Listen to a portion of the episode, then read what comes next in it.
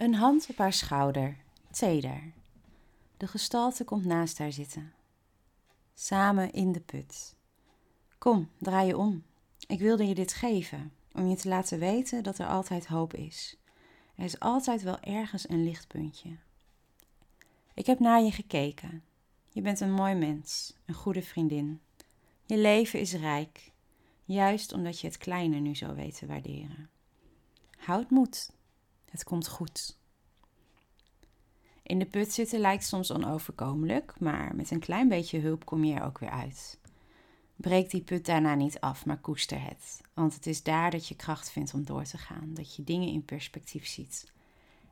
En je kunt op de rand van de put, net zoals wij nu doen, genieten van het uitzicht en even op adem komen.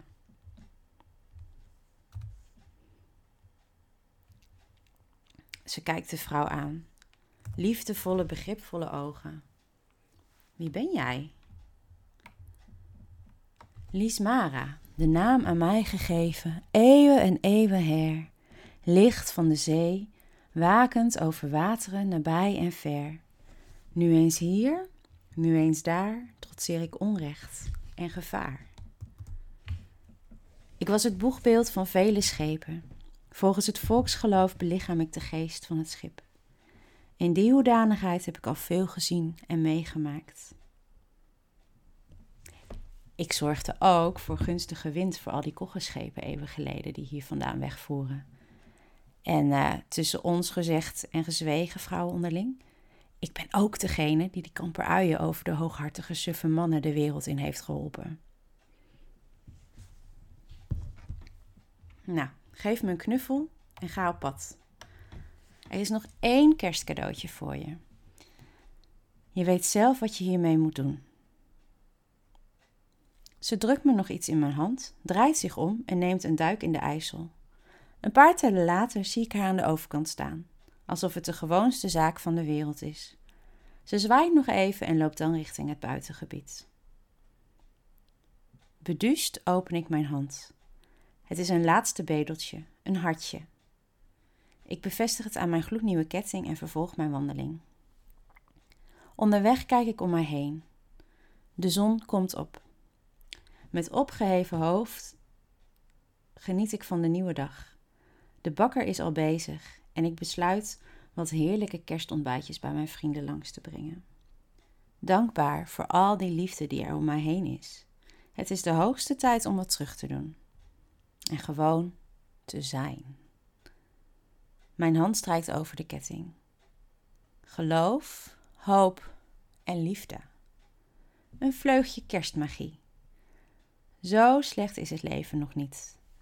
Ik heb alles wat ik nodig heb.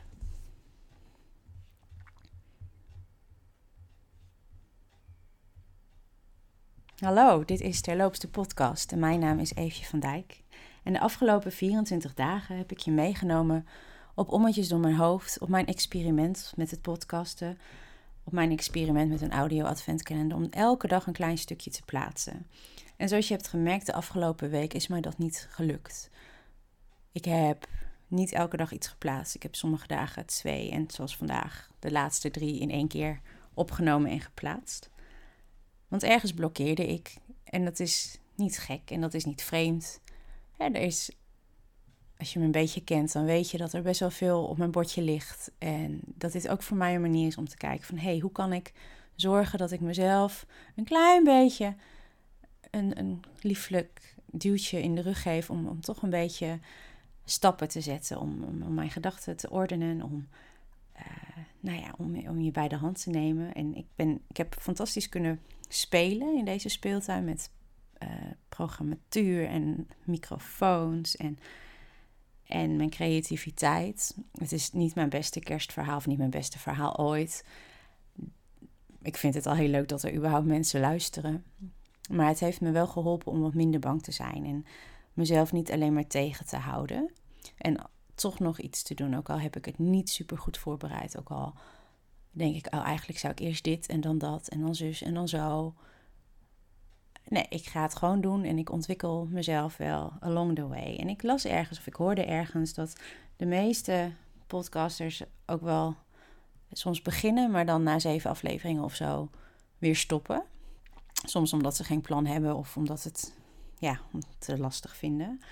Dus ik ben wel heel trots dat ik er toch een stuk of twintig consistent elke dag achter elkaar heb gedaan, 20 afleveringen. En dat ik uiteindelijk wel 24 heb geplaatst. Mijn eerste gedachte was om ja, iets tussen 1 minuut en 5 minuten te plaatsen. En dat is gelukt. Je komt makkelijker over de 1 minuut heen dan je verwacht. en ik ben zeker van plan om nog wat meer te doen. Dus hou, hou het hier in de gaten. Hou Instagram in de gaten. Maar ik hoop dat je hebt genoten en dat het je misschien kan aansporen om toch een nieuwe of een nieuwe hobby of een nieuwe tak van sport in te slaan. Want als je het, weet je, als je het niet probeert en het niet gewoon doet, ja, dan loop je al een stukje achter. En het hoeft allemaal niet perfect en je hoeft niet gelijk trendsetter te zijn. Je kan het gewoon proberen en je leert er altijd wel wat van. Dus ik, ik heb eigenlijk wel genoten van dit uh, hele verhaal. En ook wel dingen geleerd. En het schijnt dat je ook, voordat je echt je vorm hebt gevonden van hoe je je podcast in wil richten, dat kan best wel 200 afleveringen duren. Dus in dat opzicht uh, heb ik nog wel even om te experimenteren. Maar dat is denk ik ook het mooie van dit concept. Je bent je eigen baas, je kan zelf verzinnen hoe en wat je gaat doen. En ergens slaat het wel aan. Je vindt wel je, je niche, je clan, de mensen die dat leuk vinden. Dus ja, voor mij was het een tikkeltje therapeutisch en een tikkeltje een creatieve uitlaatklep.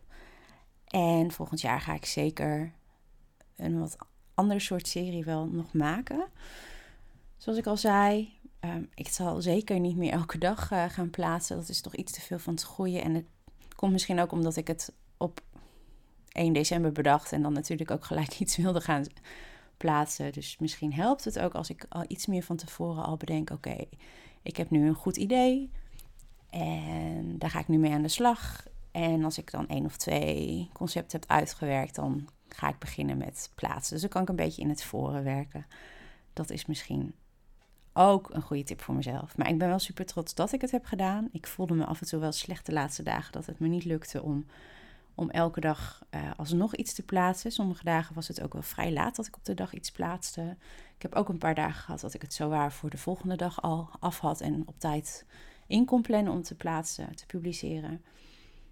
Dus dat gevoel vind ik beter natuurlijk dan dat ik achter de feiten aanloop. En ik had natuurlijk ook kunnen denken van joh, weet je, laat dat verhaal lekker zitten. Want dat moest ik ook natuurlijk nog helemaal bedenken. Ja, en als je dan een beetje een blok hebt, ja, dan schiet het niet op. Uh, dus nou ja, het was een mooi proces.